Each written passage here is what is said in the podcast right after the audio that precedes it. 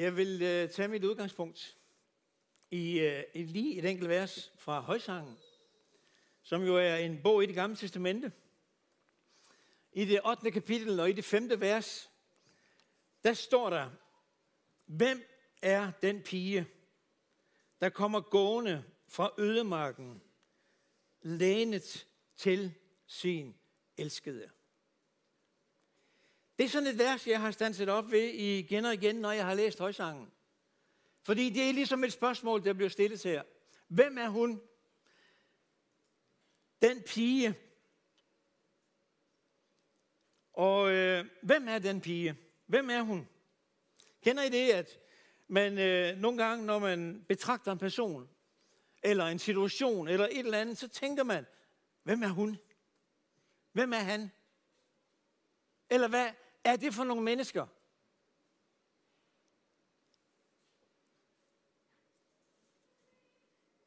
Hurra for Facebook, kan jeg sagt. Fordi øh, det gør det nogle gange lidt lettere. Det gør det i hvert fald som præst. Når du møder mennesker i forskellige sammenhænge, du får lige navnet og efternavnet at vide, men øh, du ved egentlig ikke rigtigt, er de fra Aalborg, bor de et andet sted? Øh, hvem er de her mennesker, som du talte med, som du mødte? Så er Facebook egentlig utrolig god til lige at, fordi der står som regel lige lidt om de her personer. Så jeg er en af dem, der går ind og snager lidt en gang imellem, når jeg møder nogen. Og så tænker du, åh, det var derfor, du skulle have mit navn herude øh, i caféen, når du kom og hilste. Nej, men nogle gange, så kan vi godt have sådan et eller andet spørgsmål. Hvem er hun? Hvem er han? Øh, når jeg har gået rundt og hilst ved borgerne her, så er jeg kommet op i den alder, hvor jeg tænker, hov, jeg spørger de her mennesker, jeg synes ikke, jeg har set jer før, er I nye her? Og så er der nogle gange nogen, der siger, nej, vi er kommet her i et halvt år. Eller, nej, du kender os da godt. Eller, det er nogle gange lidt svært. Men spørgsmålet, det er der hos os igen og igen. Hvem er han? Eller hvem er hun? Og det var også spørgsmålet her. Hvem er den pige? Det vil jeg gerne have, at vi skal se lidt på. Jeg har ligesom delt det, jeg skal sige op i de tre punkter ud fra det her. Det første det er, hvem er den pige, hvem er hun? Der kommer fra ødemarken, lænet til sin elskede. 1, 2, 3. Det var de tre punkter, som jeg vil igennem her i dag. Der er mange. Fordi hvem er hun? Og jeg vil sige det sådan her, det er faktisk et godt billede på kirken, på menigheden. Og vi kunne egentlig godt spørge os selv, hvem er menigheden? Hvem er Guds menighed? Og ved I hvad, der er mange mennesker, der egentlig stiller sig selv det spørgsmål. Hvad er det for noget, ham Carsten Jensen, han er en del af? Hvad er det for en gruppe mennesker, han egentlig er præst for i den her kirke? Hvad er kirken for noget? Og jeg tror egentlig, at der er utrolig mange, der, der i dag øh, øh, stiller sig det spørgsmål. Hvad er Aalborg City Kirke egentlig for noget? Hvad er det, der foregår? Man hører lidt om sekter, man hører lidt om, om øh, andre foreninger og andre ting og sager. Men hvad er Aalborg City Kirke egentlig for noget? Og hvad er Guds menighed? Hvem er Guds menighed? Hvem består Guds menighed af?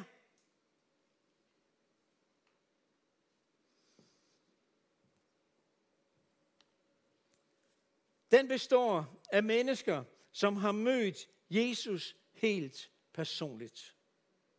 Da ligesom Katrine her siger, den største oplevelse, jeg havde, det var dengang, jeg blev frelst. Det står ligesom over alt andet. Jo, så blev jeg glad for fællesskabet, jeg blev glad for kirken. Men når vi taler om Guds menighed, så er det ganske enkelt mennesker. Ikke fuldkommende mennesker, men almindelige mennesker, som er begyndt på vejen sammen med Jesus. Der er nogen, der kommer længere end andre. Andre er måske lige begyndt og, og kender ikke lige så meget til det endnu. Men Guds kirke består af mænd og kvinder, som har fået lov til at opleve Jesus helt personligt. Har fået lov til at opleve det, som Katrine hun sagde, frelsen. Har fået lov til at opleve en omvendelse. Det at blive renset i Jesu blod, det var et udtryk, jeg hørte mange gange, dengang jeg var ung. Jeg har egentlig også for mange år siden holdt mange prædikener om det. Det er ikke noget, vi hører så meget om i dag. Men det er egentlig noget vigtigt, at vi får lov til at opleve, at blive fri fra vores synd, at blive renset og blive en ny skabning. At få lov til at opleve, at Jesus, han har købt os, og prisen, den er altså betalt. Det jeg gerne vil sige med det her, det er, at menigheden er meget mere end bare en forening af mennesker. Menigheden er ikke noget, som man egentlig bare kan melde sig ind i. Og så er man en del af menigheden. Fordi Guds menighed, den bliver man født ind i. Og når så du er født ind i Guds menighed, jo, så kan du tilslutte dig og blive medlem i en lokal menighed. Men Guds menighed består altså af mennesker, som har overgivet deres liv til Jesus. Som har sagt til Jesus, du skal være herre i mit liv. Ikke kun om søndagen, men generelt. Hver eneste dag i hele mit liv. Vi kender samtalen fra øh, Johannes kapitel 3 om øh, Jesus og, og, og Nikodemus. Han havde lidt svært ved at forstå det her, hvor Jesus han taler om, at du skal fødes på ny. Jeg kan da ikke endnu en gang komme ind i min moders liv. Hvad mener du med det her? Og jeg tror egentlig, der er utrolig mange mennesker, der også i dag, også mennesker, som måske kommer i kirken, sidder på bænken her søndag efter søndag, der kan have en lille smule svært ved at forstå det her med den nye fødsel. Det her med at opleve frelsen. Opleve, at der sker noget nyt. Jeg plejer at sige det sådan her, at øh, det er ikke nok, at vi bare sympatiserer med Jesus. Det er ikke nok, at vi bare synes, at det er egentlig dejligt. Han er en god person. Vi kan godt lide at høre om ham. Men det er først i det øjeblik, hvor han kommer ind, helt ind, og får lov til at forvandle os indefra, at vi oplever forvandlingen. Der er nogle mennesker, der tror, jamen, jeg kan jo prøve at se, om jeg kan gøre mig til et bedre menneske. Prøv bare. Forsøg bare. Det, det er jo dejligt. Men ved du hvad, du kommer til kort. Men når vi taler om den nye fødsel, så er det ikke noget, vi selv kan gøre. Men det vi kan gøre, det er at sige, Jesus, kom ind. Bliv en del af hele mit liv. Bliv herre i mit liv. Og når han kommer derind, så begynder han at forvandle. Så er det ikke dig, der skal forvandle dig selv. Så er det ikke dig, der skal lave om på dig selv. Men så er det egentlig ham, der lige så stille tager fat i alle de her forskellige ting, som livet indeholder. Og så sker der bare noget nyt. Så sker der den her forvandling. Og alle de mennesker, som har taget imod Jesus på den måde, de øh, er en del af Guds menighed. Når jeg sad og forberedte mig her, så, så kom der sådan en, øh, ja, jeg kom til at tænke, det, det ligger faktisk nogle år tilbage, da jeg var øh, ansat på AKTV, så havde vi øh, noget, vi kaldte for AKTV rådgivning. Det var sådan, at når vi sendte gudstjenester, vi sendte andre øh, programmer, vidnesbyrdsprogrammer og ting, som fortalte om, at, at folk kunne tage imod Jesus. Så var der ofte mennesker, der ringede ind. Og jeg husker, at der var en mand, der ringede. Det var ikke mig, der snakkede med ham, det var Birte Folkemand, som, øh, som øh, bare ønskede at modtage det her. Han havde nogle udfordringer he, øh, rent øh, helbredsmæssigt. Jeg nåede aldrig at se ham. Jeg havde også mange samtaler med ham. Men den her mand, han sagde bare, det som jeg har set på skærmen her, det vil jeg modtage. Og Birte, hun bad en bøn med ham, om at øh, Jesus skulle komme ind og forvandle hans liv. Og øh, han ringede mange gange, fordi efter det, så skulle han jo lære, hvad gør jeg? På grund af hans helbred kunne han ikke komme i en kirke. Men øh, han ringede. Vi underviste ham. Vi øh, fortalte ham om de næste skridt, som var nødvendige i den her vandring, som han var begyndt på. Så pludselig en dag, så ringede telefonen. Det var, jeg sad der en aften, det var faktisk en sen aften. Så var det en kvinde, der ringede. Og så siger hun, hun præsenterede sig slet ikke, hun siger bare, kan jeg få det samme? som min bror har fået. Og øh, jeg spørger, hvem hun er. Hun fortæller så sit navn, og så, når jeg hørte efternavnet, så var jeg klar over, at, at ja, at hendes bror var den mand, som vi havde faktisk brugt en del tid på at snakke en del med. Kan jeg få det samme? Er det muligt for mig at få lov til at blive medlem af den samme klub?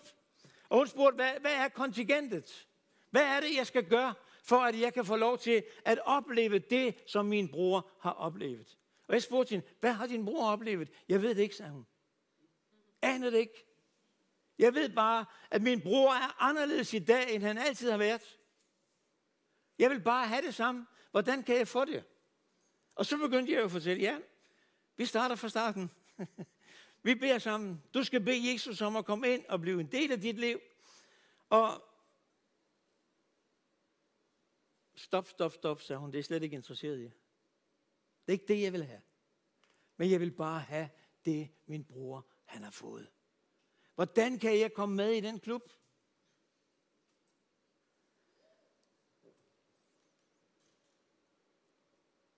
Hvordan kan man komme med i den klub? Hvem er hun? Hvem er Guds menighed? Hvordan bliver jeg en del af Guds menighed? Det gør du ganske enkelt ved at tage imod Jesus og bede ham om at komme ind og blive herre i dit liv. Tilgiv alt det gamle, og så leve det her nye liv sammen med ham. Det er ganske enkelt det, der skal til, for at du kan være med og være en del af Guds menighed. Da jeg boede i Vejle, så øh, sendte det var før vi, vi lavede tv, så sendte vi lokalradio. Og øh, på en eller anden måde, så havnede jeg, vi havde samarbejdet med Vejle Folkeblad. Og øh, det var meget specielt en kirke i byen, der indgik sådan et partnerskab med, med Vejle Folkeblad omkring det at sende øh, lokalradio. Og vi var jo bare en lille del af det her. Vejle Lokalradio var faktisk en af de store lokalradioer, dengang at, at det virkelig var kendt i Danmark, og dengang øh, alle lyttede til lokalradio. Og øh, når jeg kom til Vejle som, som, som præst, så, så kommer den her øh, chefredaktør, så siger han, Carsten, vi vil gerne, at du skal være formand for lokalradioen. Og jeg tænkte bare, det har jeg ikke lyst til.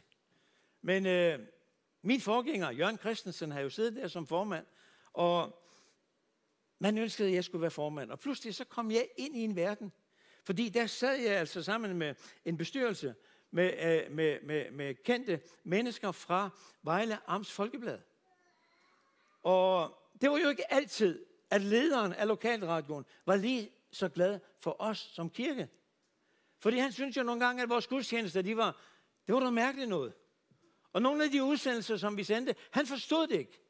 Og jeg ved ikke, hvor mange gange jeg sad i samtaler med ham, hvor han bare spurgte, hvem er I, Karsten? Jamen Karsten, kan du ikke bare sige, hvad er I for en forening? Hvad er den menighed for noget, som du snakker om? Fordi det han hørte øh, øh, på de her gudstjenester, og de her programmer, gik simpelthen hen over hovedet af ham.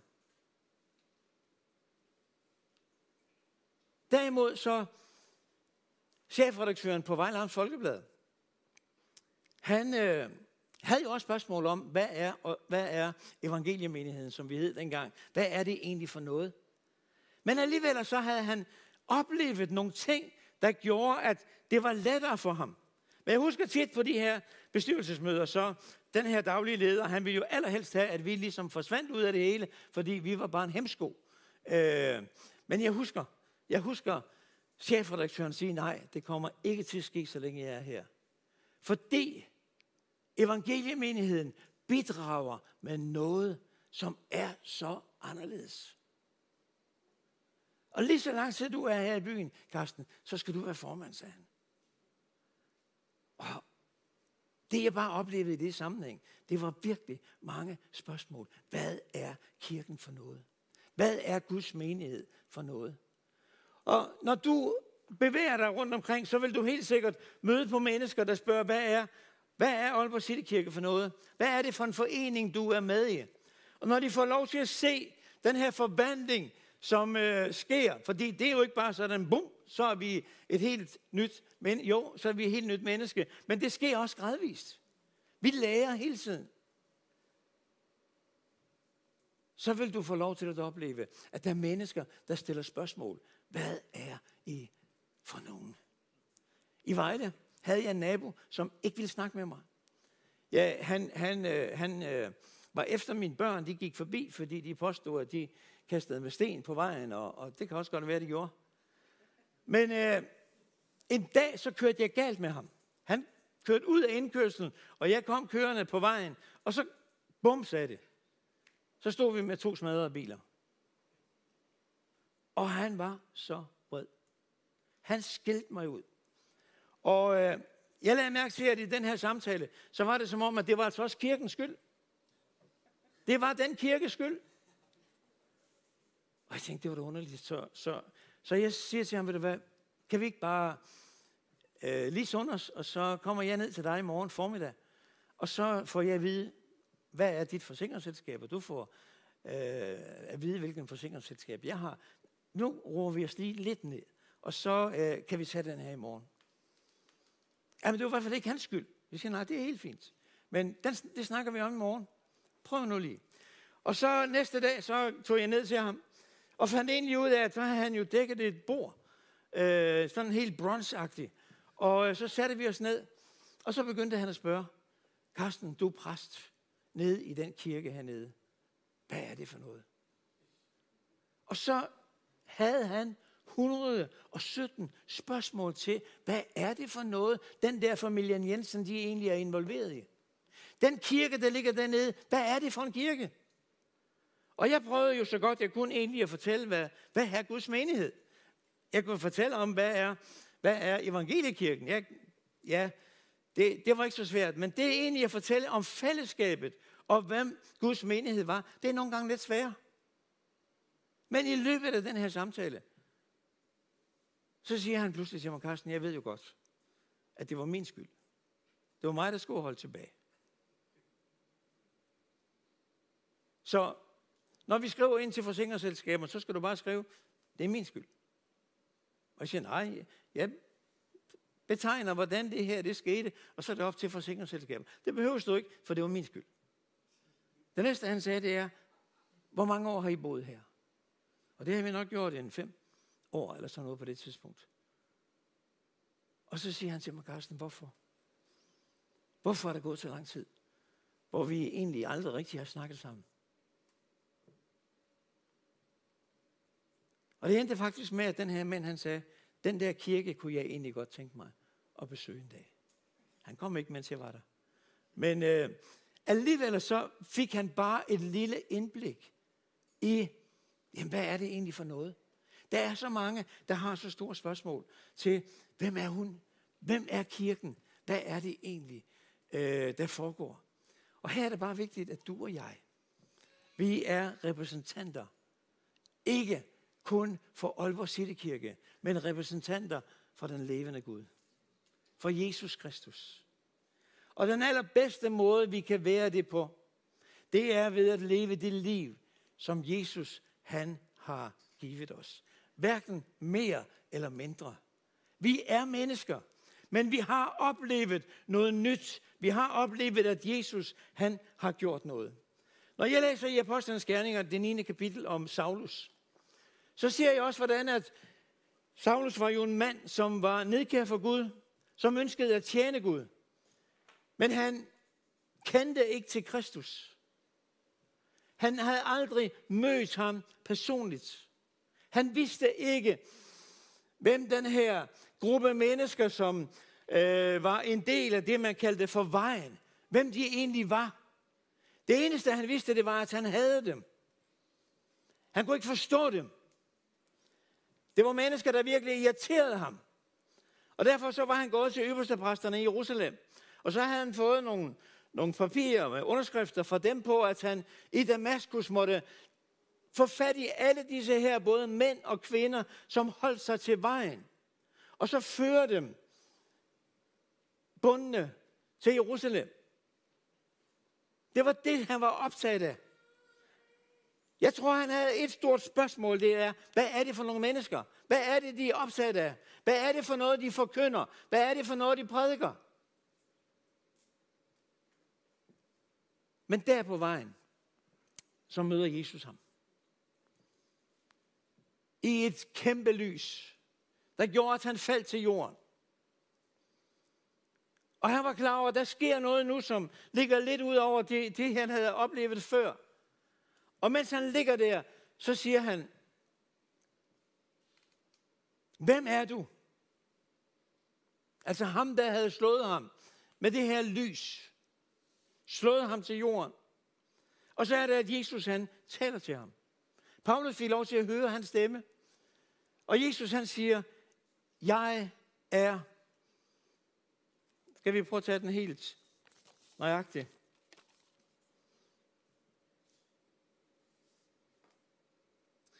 Der står sådan her, jeg er Nazareeren Jesus, som du forfølger.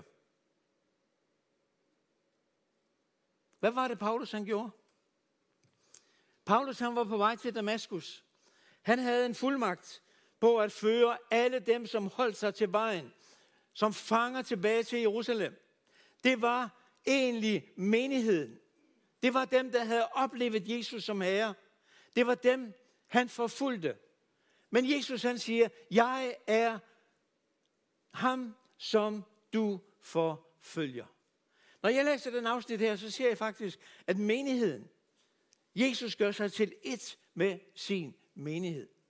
Det var de kristne, det var dem, som havde oplevet Jesus, Paulus, han, eller Saulus, som han hed på det tidspunkt. Han forfulgte. Men Jesus siger, det er mig, du forfølger. Han gør sig til et med os. Paulus havde virkelig mange store spørgsmål i forbindelse med, hvem er de her mennesker, som har tilsluttet sig det, de kaldte for vejen. Første navn, jeg ligesom kender, øh, læser på øh, den første menighed her. Han havde spørgsmål, hvem er de? Hvem er hun? Men var det interessant, når vi læser videre, og efter det møde her, med Jesus helt personligt, så sker der pludselig noget nyt i Saulus' liv. Han kom til at hedde Paulus, og øh, det meste øh, af den undervisning, vi egentlig har om Guds menighed, den har Paulus skrevet. Han skriver til menighederne i alle de forskellige byer. Det er ham, der giver os undervisning. Det er ham, der oplever de store åbenbaringer fra, fra Jesus selv, som han skriver til menighederne. Og det, som vi nyder godt af i dag, hvor vi ser på, jamen, hvem er Guds menighed. Og hvordan skal livet i Guds menighed egentlig udforme sig? Den undervisning har vi fra Paulus. Men han havde selv først store spørgsmål. Hvem er hun?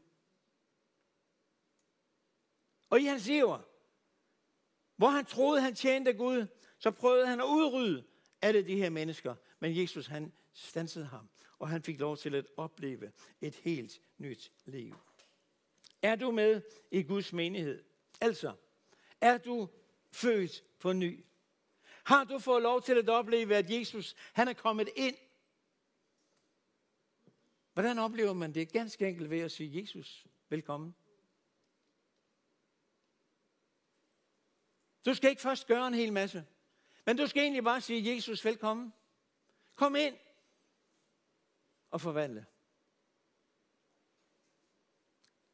Der kommer han ind og der bliver du helt automatisk en del af Guds menighed. Fordi du gør ham til herre. Så står der, at hun kom gående fra ødemarken. Og jeg kan godt lide det her billede. Fordi efter at vi har oplevet Jesus, vi har mødt Jesus, så kan vi egentlig godt betegne det, som lå forud lidt for det øde, ørkenen. Det sted, hvor der ikke rigtig er noget vand. Det sted, hvor der ikke rigtig er nogen veje. Det sted, hvor man let far vild. Og øh, hvis du er ærlig, så tror jeg, at dig, der har oplevet Jesus, og når du ser tilbage på, på, øh, på dit liv, så vil du sige, jamen, frelsen, det var det største. Og det, der lå bag mig, det kan være nok så godt. Men det kan alligevel godt betegnes som en ødemark, som ørkenen, i forhold til det, som vi har fået lov til at opleve nu. I 2. Øh, Korintherbrevet 5, 17, der står der, den der kommer til tro på Kristus, bliver et nyt menneske. Så står der, det gamle er forbi, et nyt liv er begyndt. Det er alt sammen en gave fra Gud. Det gamle, det er forbi.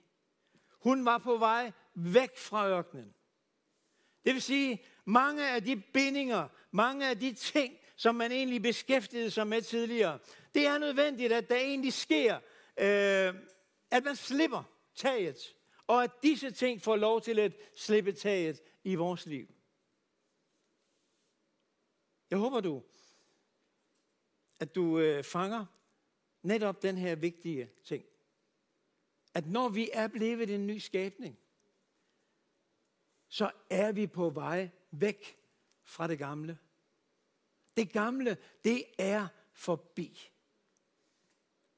Undskyld, Eva, men jeg, jeg hørte jo dit vidnesbyrd, da du blev døbt. Og jeg hørte jo, hvordan at, at, at du var klar over, da du oplevede frelsen, der er nogle ting fra det gamle liv, som jeg bare må gøre op med. Og sådan er det bare. Jeg var en helt ung mand. Øh, jeg var ikke en stor sønder, men alligevel så var jeg jo en sønder. Der var så men ikke så meget, jeg, jeg, jeg skulle sige nej til i mit liv. Jeg var måske en 12-13 år. Men alligevel så var jeg klar over nogle af de ting, jeg bare smagte lidt på i forbindelse med skolekammerater og noget af det der. Det er slut. Og nogle gange så tænkte jeg, kan jeg slippe de ting? Men jeg fandt jo egentlig ud af, at det var ikke et spørgsmål, om jeg kunne, fordi interessen, den var der ikke rigtig længere. Fordi jeg havde oplevet noget andet.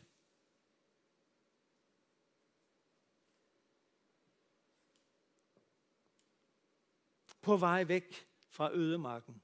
På vej væk fra ørkenen.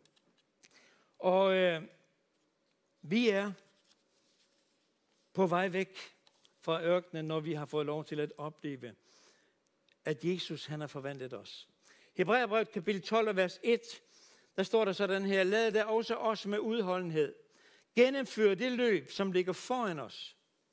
Inspireret af den mægtige, af den mængde af troshelte, som allerede har fuldført løbet. Og så står der, lad os kaste alt det bort, som tynger, og synden, som så let griber fat i os og får os til at snuble. Lad os rette vort blik fremad mod Jesus, som, er vores, øh, som vores tro skal bygge på fra først til sidst.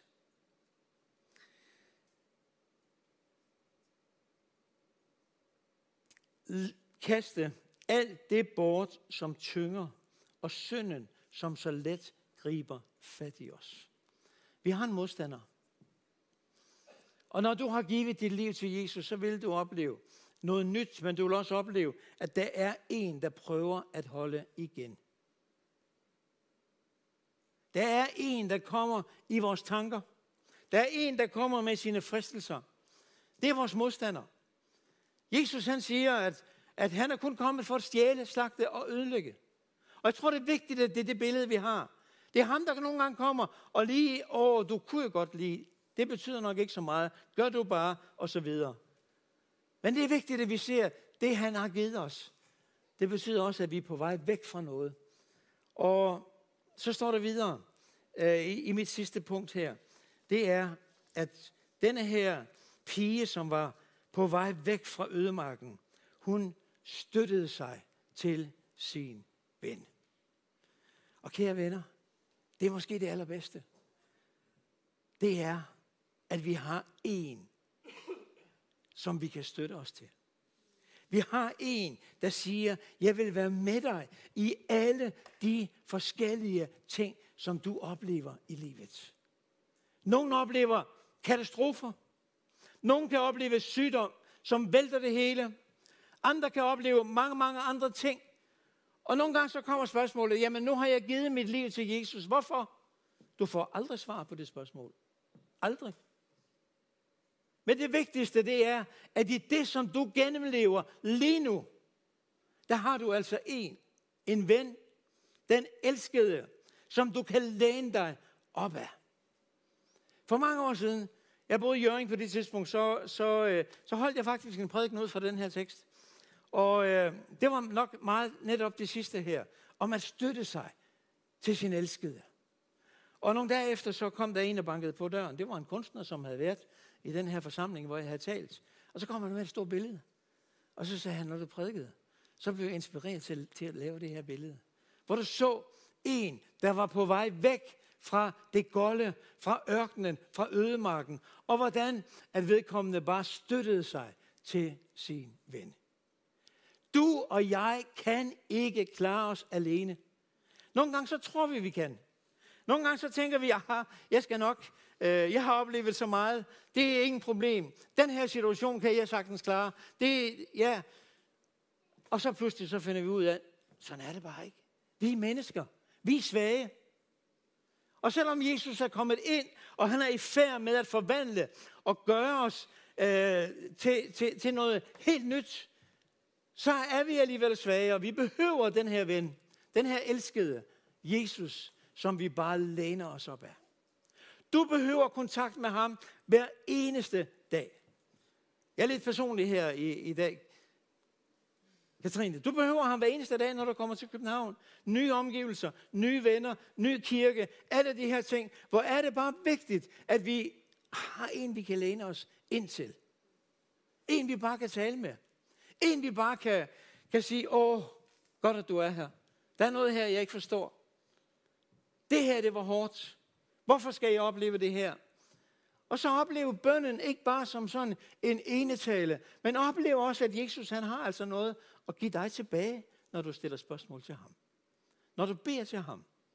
Når du åbner dig for ham, så kommer han. Han kan komme til dine tanker med, med, med øh, en løsning.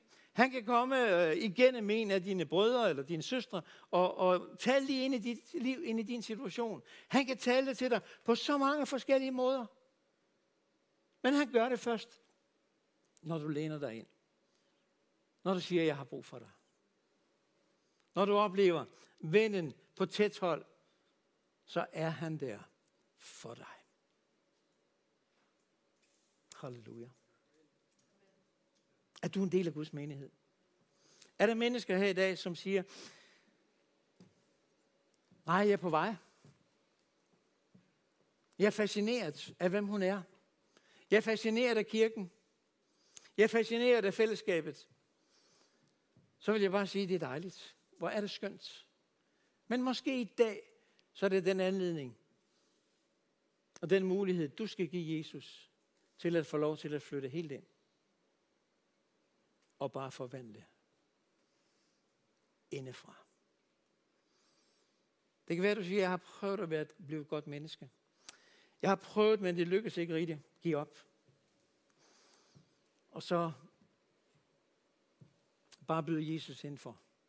Og så vil du opleve, hvordan at du bliver en del af Guds familie. En del af Guds menighed. Og det fantastiske, det er, at lige meget hvor du kommer på denne klode, Lige meget hvor du er, lige meget hvilken kultur eller hudfarve du, du, du er sammen med af mennesker, så vil du opleve, at dem, som er en del af Guds menighed, det er dine brødre, og det er dine søstre. Det er det, jeg altid har været fascineret af. At du kan møde mennesker, som du aldrig har kendt, men der er bare en connection, der er bare noget. Hvorfor? Fordi Jesus han har fået lov til at flytte ind. Fordi vi er en del af Guds menighed. Aalborg City Kirke er bare en lokal kirke. Nu har jeg talt meget om den store kirke her. Så er der mange lokale kirker. Og det kan være, at du øh, har spørgsmål til, hvad er Aalborg City Kirke egentlig for en kirke? Så er det forholdsvis let for os at fortælle dig det. Søndag den øh, 13. September, så har vi det, vi kalder for sådan en medlemsintro. Hvor vi egentlig fortæller lidt om, hvad er vi for en organisation? Hvad er vi for en, øh, for en kirke? Dem, som skal være en del af Aalborg City Kirke, de må først være en del af Guds menighed. Den store. Det vil sige, at de har fået lov til at opleve Jesus helt personligt. Er på vej væk fra ørkenen og har det her afhængighedsforhold af Jesus. Skal vi bede sammen?